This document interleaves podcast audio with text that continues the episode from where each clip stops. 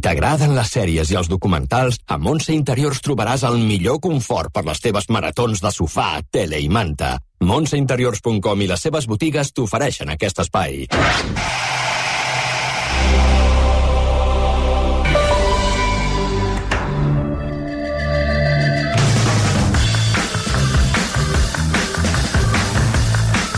Minut, arribarem a un quart de set del vespre. Mònica Planes, ara sí, deixem-ho dir bé. Uh, bona tarda. Bona tarda. Benvinguda. Aquest dijous, 20 de gener, eh, arriba a HBO, per tant, aquest dijous serà... Avui estem a 17, sí, sí, 18, 19, sí, sí, aquest, aquest dijous. Arriba a HBO una docusèrie sobre un cas que molt record... els boomers, sobretot, recordareu com a, el cas Arnie. Un pub, una mena de... un local... Eh, on hi anava en fi, moltíssima gent, segons el documental, a fer copes, i el que no eren copes perquè quan es mostren imatges del local per dins, eh, bueno, ara ho explicarà Mònica Planes, doncs eh, la veritat és que bueno, ja es veuen uns llits, uns, una mena de matalassos, unes coses una mica... Com a local molt, molt normal, tampoc el veus. Bé, una història que va ser molt mediàtica, Uh, la prova és que molts late nights en aquella època i molts programes de televisió, tots uh, tira, es tiraven d'aquest fil perquè els hi donava audiència, el cas uh, del Paparni. Uh, era l'any 1995, 96, perdó, i es va, es va arribar a imputar, doncs, atenció, actors, cantants, presentadors de televisió i fins i tot un jutge. Mònica. D'això fa 27 anys, el, es fa pública l'any 96 aquesta investigació de corrupció de menors en aquest pub de Sevilla que tothom coneixia. Va ser, això el que deies tu, molt explotat a la, a la televisió, sobretot perquè hi havia aquests uh, acusats famosos. És d'aquells casos on l'impacte del famós i l'espectacle que genera supera una mica els, els detalls i els, els fets reals perquè la gent el pugui entendre. No? Va, va quedar en mans del, del periodisme més sensacionalista i, per tant, es va perdre molta, molta informació. El cert és que va ser un judici que, a més a més, va durar molts mesos i, per tant, el cas es va anar uh, allargant. Um, el documental es titula Arnie, història d'una infàmia, però, en certa manera, el que és també és una història d'homofòbia, perquè el que queda clar és que, eh, en molts casos, els prejudicis i la manera que van tenir de jutjar molts dels protagonistes pel fet de ser homosexuals no tenia res a veure amb els fets que passaven en, en aquell bar. Aquesta és la- l'arrencada la, del documental perquè us feu una mica la idea del rebombori mediàtic i l'impacte que, que va suposar en aquell moment. Muy buenas noches. Va a ser un escándalo importante. Ya hay dos detenidos y cerca de 30 imputados en una supuesta red. Era un asunto de prostitución infantil. Esa gente lo que hicieron es destrozar mi vida. La red de prostitución de menores descubierta en Sevilla en un bar de homosexuales. Yo denuncié a Jorge Cadaval, Javier Borruchaga, Jesús Vázquez. Tres menores le acusan de haber mantenido en el Arni relaciones sexuales con ellos. Soy inocente para todo lo que venga. Era como una quiniela, a ver a ver a quién le toca hoy, ¿no? Libertad bajo fianza de medio millón de pesetas para Jesús Vázquez. Vengo a, a reafirmaros mi inocencia. Hasta el juez de menores de Sevilla podría estar implicado en la trama de prostitución infantil. Primero se declaró secreto el sumario. No sabíamos quién te había denunciado, no sabíamos nada. ¿Y cómo, cómo te defiendes de eso? Lamentamos mucho lo que está ocurriendo respecto de personas que nada tienen que ver ni aparecen citadas. Que sí es cierto que Fiscalía y la juez iban de la mano. Había ganas de criminalizar todo lo que sonara a homosexual, ¿no? Quins són els aspectes positius d'aquesta sèrie documental? Són tres capítols d'una hora.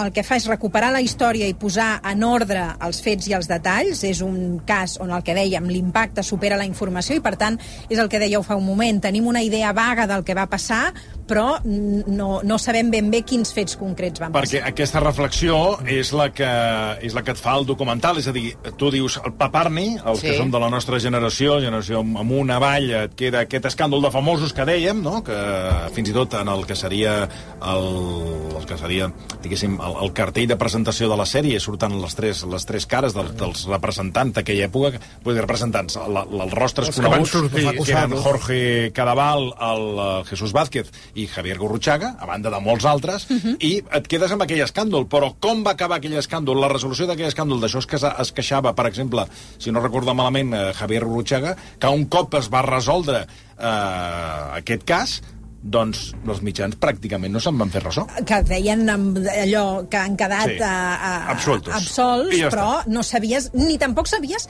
què havia passat real, realment en una, en una trama que era de corrupció de menors.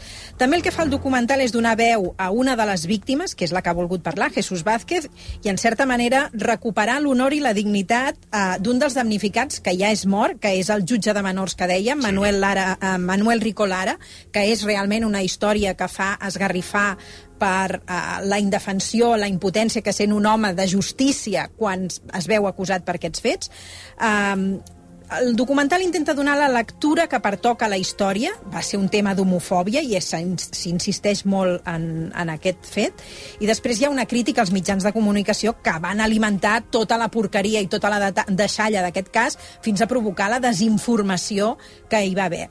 I després té testimonis molt bons i el que fa impressió, i escoltarem d'aquí una estona, és a Jesús Vázquez, els, els advocats, el fill del jutge aquest de menors i alguns periodistes que treuen conclusions molt interessants. Potser hi ha massa capítols, és el que Mhm. eh, hem dit alguns dies, que potser la, la història s'allarga en algun moment excessivament i que hi ha algun moment en què el, el propi cas devora una mica el mateix documental.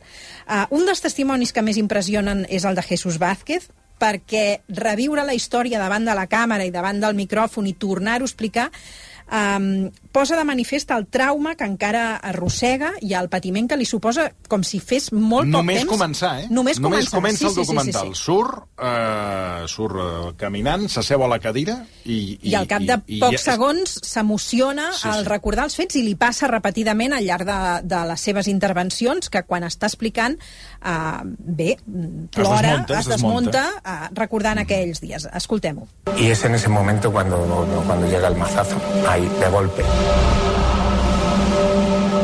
De repente suena el teléfono y me llama mi madre, angustiada, llorando, y yo le digo, ¿qué, qué pasa, mamá? Y me dice, es que acaba de llamar un señor, pero esto eran las nueve o las diez de la noche, que dice que es de los juzgados de Sevilla, que si no te presentas mañana por la mañana, a las 10 de la mañana, pues van a dictar una orden eh, de busca y captura contra ti.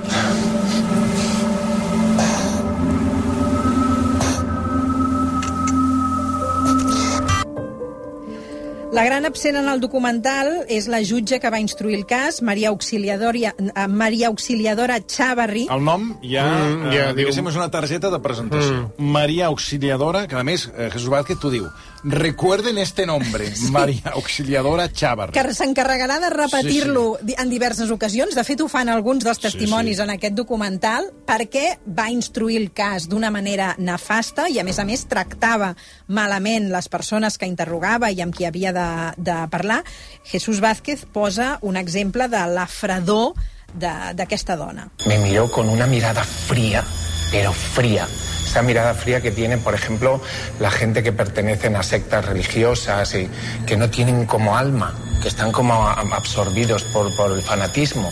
Me miró con esa mirada y como yo creo que ella ya había hecho su juicio de valor, me dijo, pues si quiere usted justicia la va a tener. O ingresa dos millones de pesetas antes de que cerremos el juzgado, es decir, en diez minutos, o su cliente duerme en el calabozo.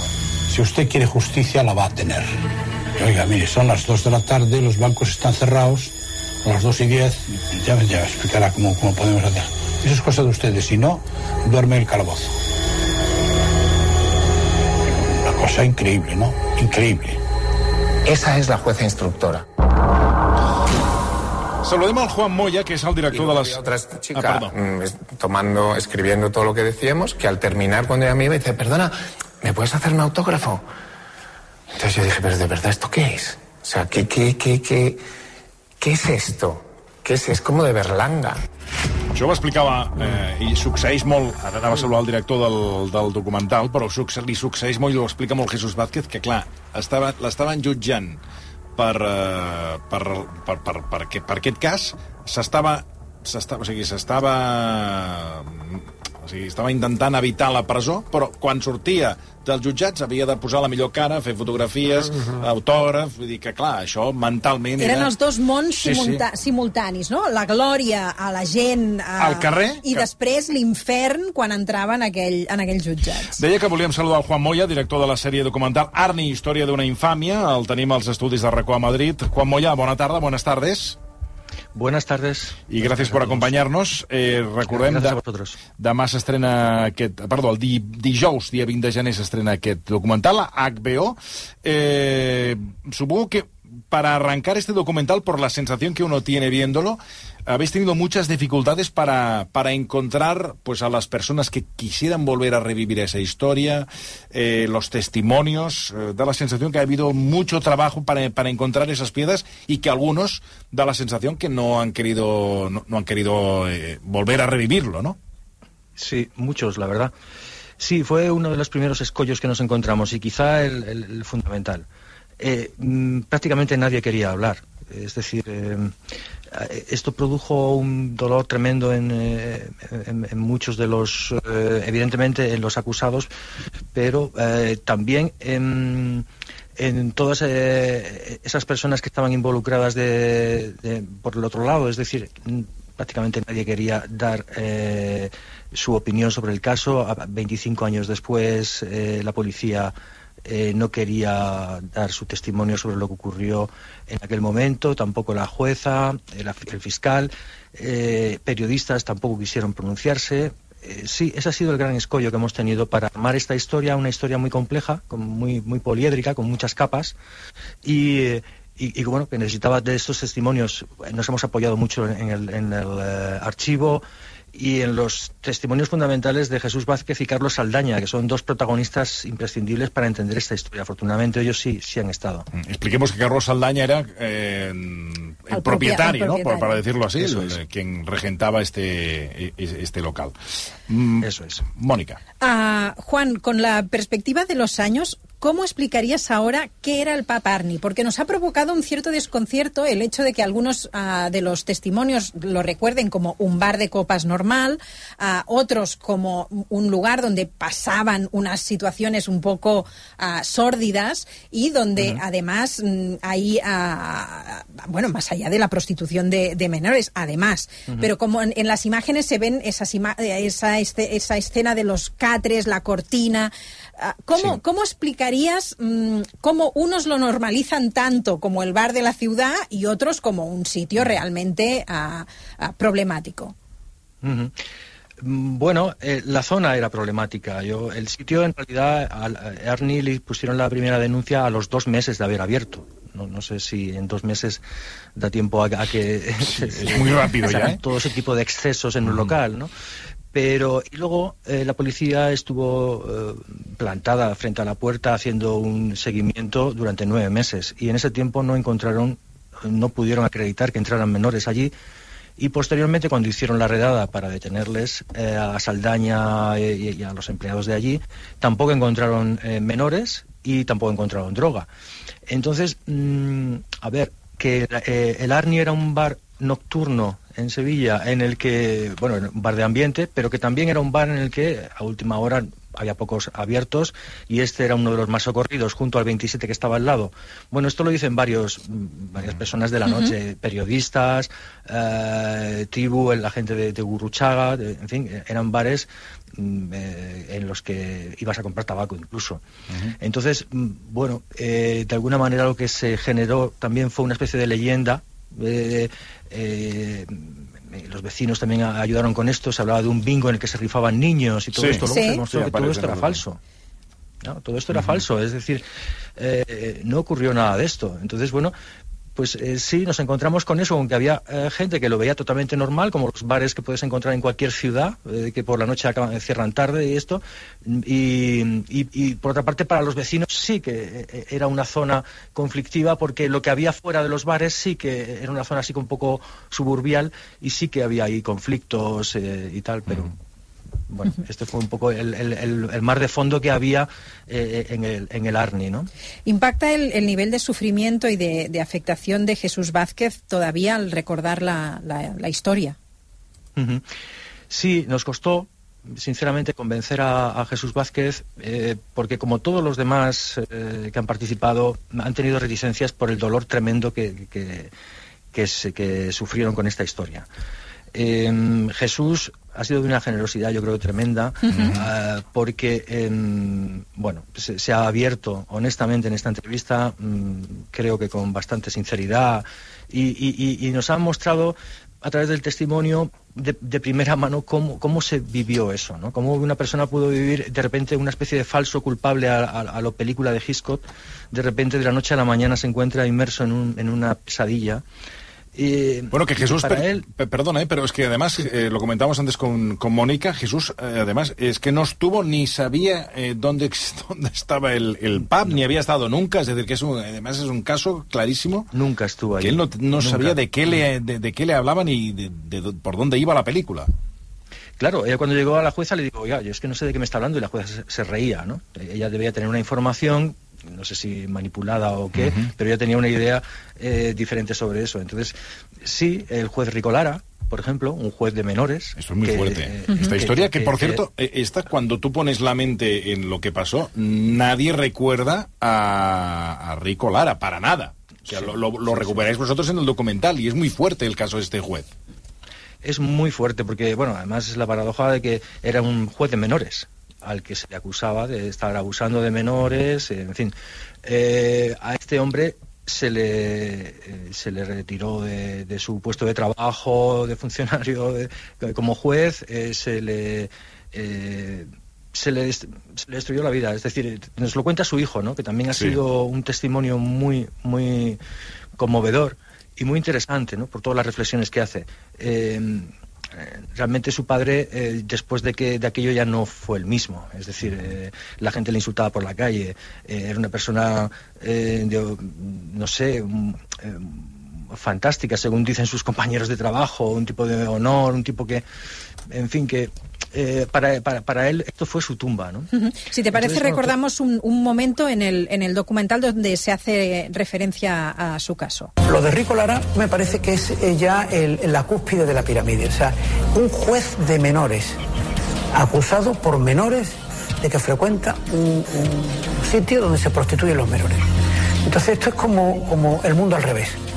Fue pisoteado, paseado, humillado de lo peor que se le puede acusar a un juez, que es tener connivencia con, con delincuentes y además con delincuentes que son de su competencia, que son menores. Eh, eh, es es increíble. Era un jurista impecable, era un hombre de bien y yo lo creí desde el primer momento. Venía ya con la citación en la mano para comparecer ante la autoridad judicial. No me cansaré nunca de decirlo, se sintió ese día, como todo el tiempo hasta que terminó este maldito asunto, yo lo noté siempre como víctima de la más grande injusticia que él estaba viviendo, él que se dedicaba a hacer justicia. Y eso tiene que ser tremendo para un juez. Seguramente es la parte del caso donde se empieza a entender cuál es la trama que hay detrás de todo eso, por qué le acusan a, a él, ¿no? Sí. mm, Ese subinspector. mm, Claro. ¿No? De Esta la figura, policía. Sí, sí, sí. Antonio Yuste es eh, un personaje al que Carlos Saldaña apunta como el verdadero impulsor de toda esta trama, ¿no? Es decir, eh, bueno... Que por cierto, este varias- subinspector a día de hoy, ¿dónde está? Bueno, hemos intentado contactar con él, eh, conseguimos a través de un familiar ¿Mm? Eh, que nos dijera que no, conseguir su negativa a participar. eh, bueno, está, está retirado y por supuesto no quiere saber nada de, de todo esto. Es verdad que este señor es el que hace, recoge la primera denuncia de Barriga y es el que tacha a Saldaña en, en esa denuncia como maricón, depravado, muy hábil para los negocios sucios.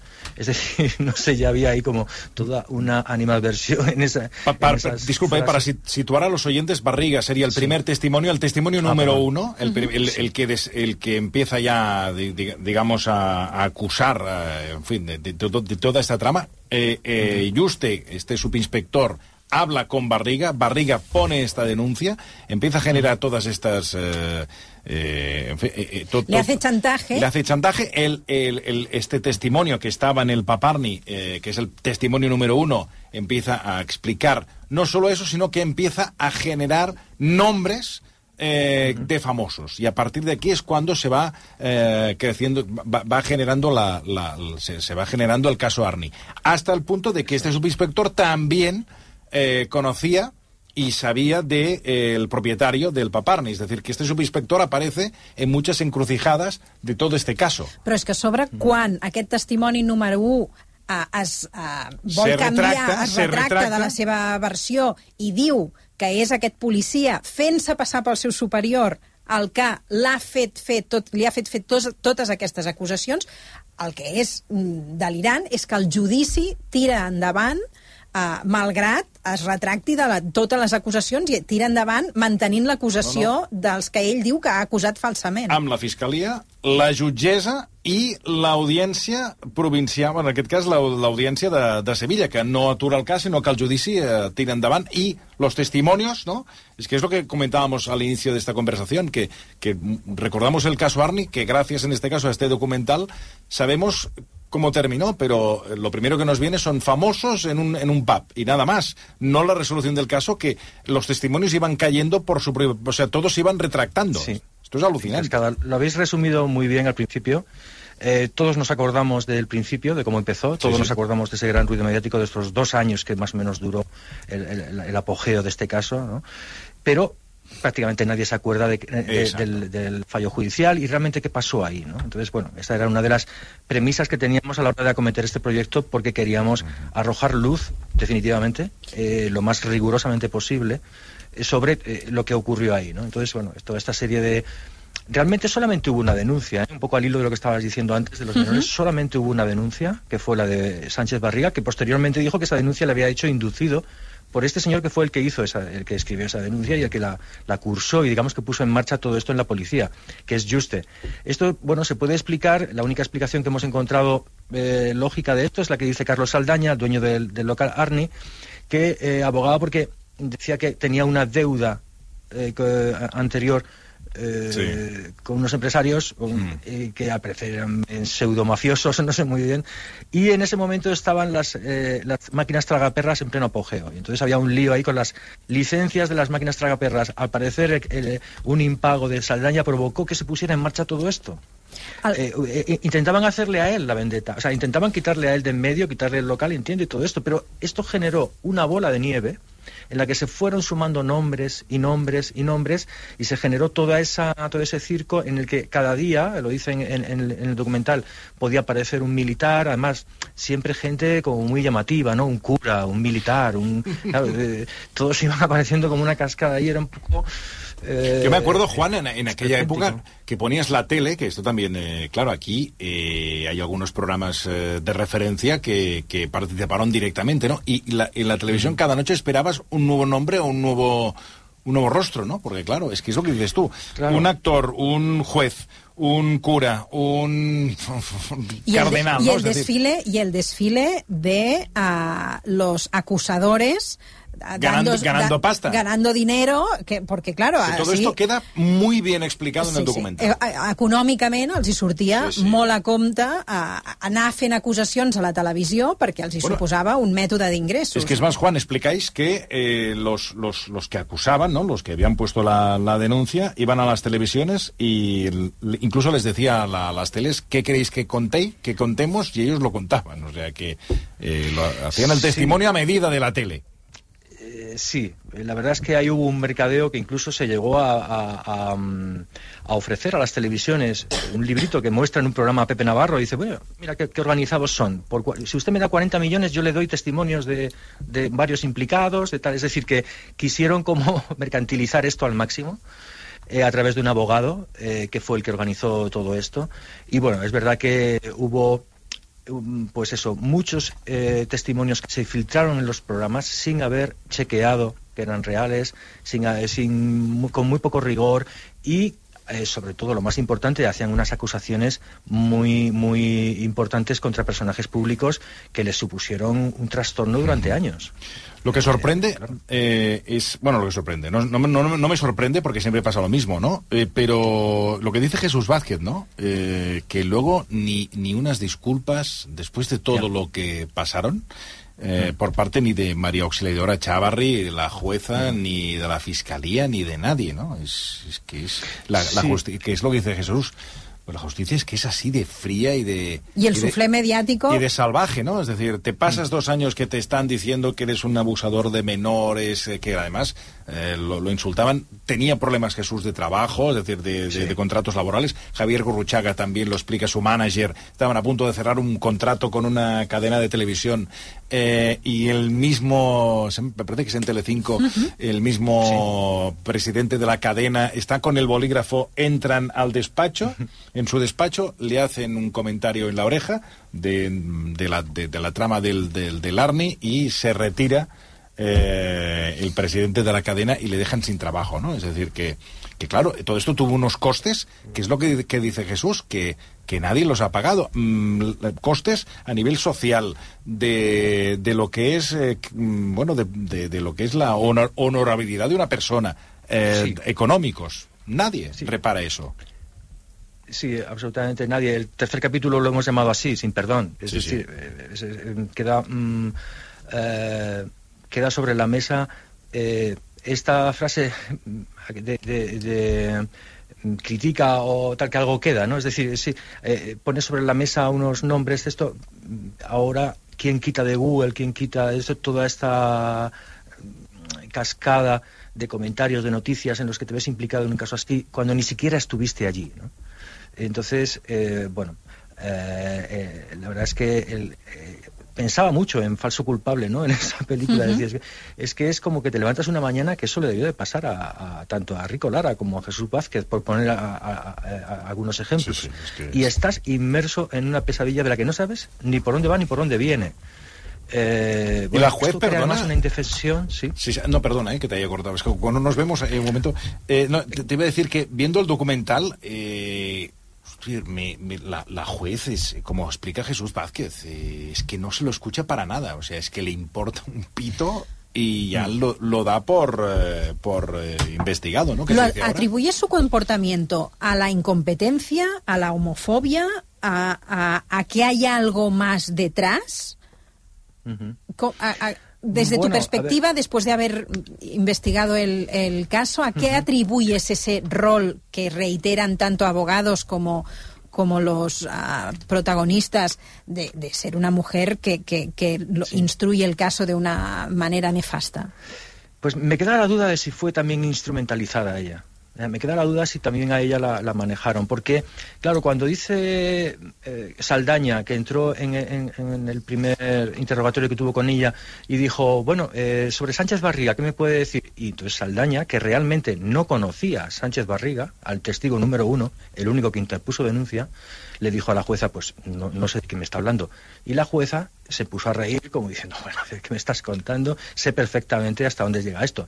Entonces, evidentemente, la jueza tenía una información que no era real, al parecer, y que alguien se la tuvo que proporcionar. Eh, eh, todos los eh, indicios es que fueron Juste, es decir, eh, ese policía el que creó esa, esa, esa maraña y el que un poco la indujo a esto.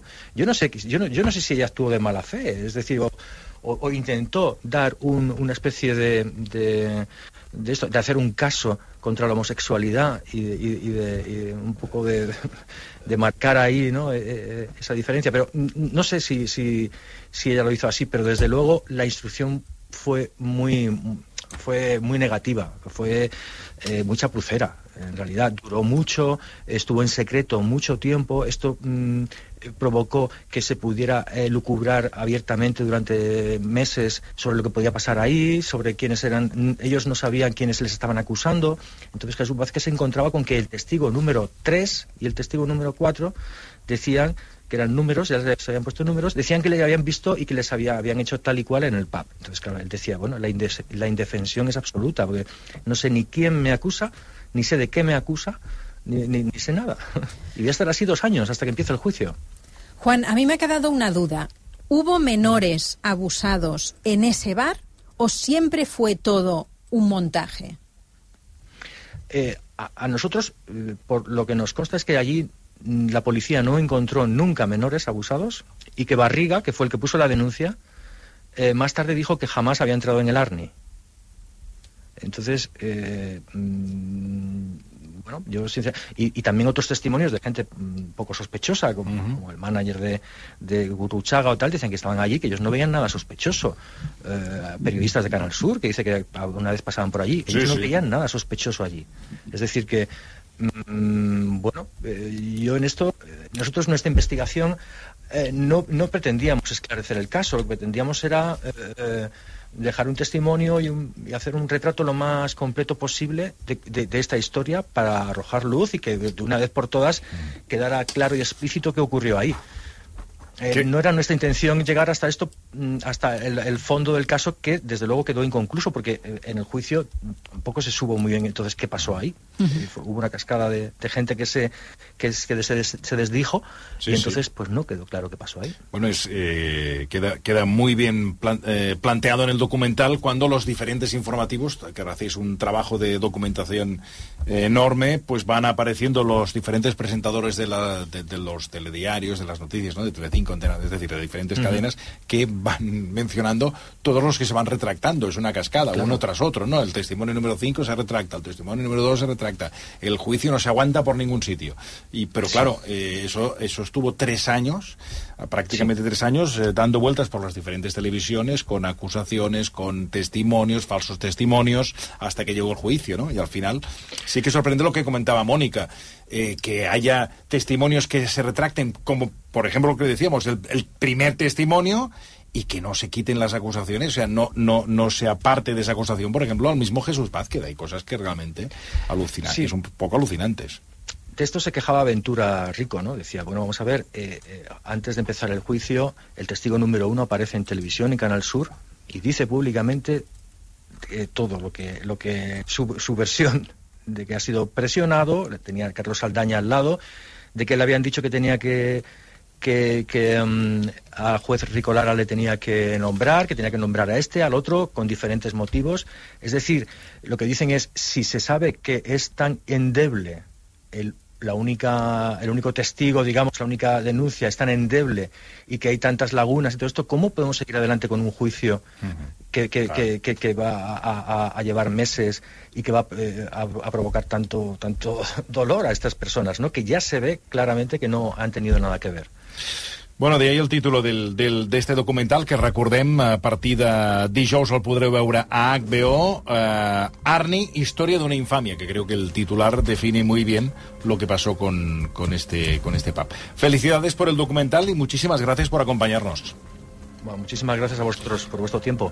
Nada, al contrario, a ti por acompañarnos. Un saludo. Gracias, buenas tardes. Gracias. Gràcies. Juan Moya, que és el director d'aquest documental, Arnia, història d'una infàmia. Són tres capítols d'una hora que, eh, recordem, s'estrena aquest dijous. I eh, jo, abans comentàvem, eh, abans d'entrar en antena, eh, la Mònica parlàvem de, per el senyor Marcelins, però Mm. ens es preguntava això exactament com és. Jo, eh, la sensació que he tingut és que podríem, si poguéssim tirar enrere, seria a veure si em puc explicar, com el que seria el, el prototip o la primera fake news de la ultradreta espanyola.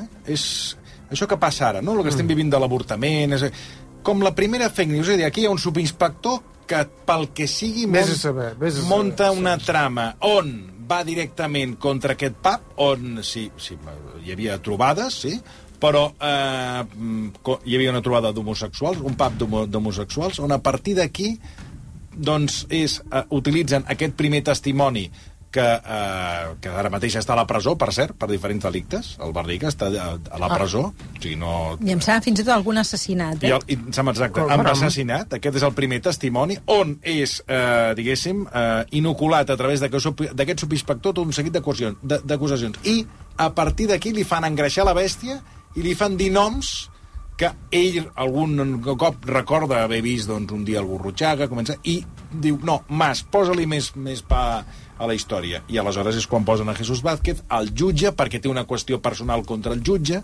perquè és un jutge de menors que els tracta bé, que els, els hi fa un seguiment, que els, que els tracta, perquè tots parlen bé del jutge, i a partir d'aquí entra la trama. Busquen una jutgessa que sigui, que sigui a, fa, a favor i la fiscalia que també té aquest punt de, eh, de tarannà d'ultradreta no? d'anar en contra de la perversió contra, el, contra estos eh, eh, pervertidos eh, que abusan de menores. I a partir d'aquí s'embolica la història i al final acaba amb res.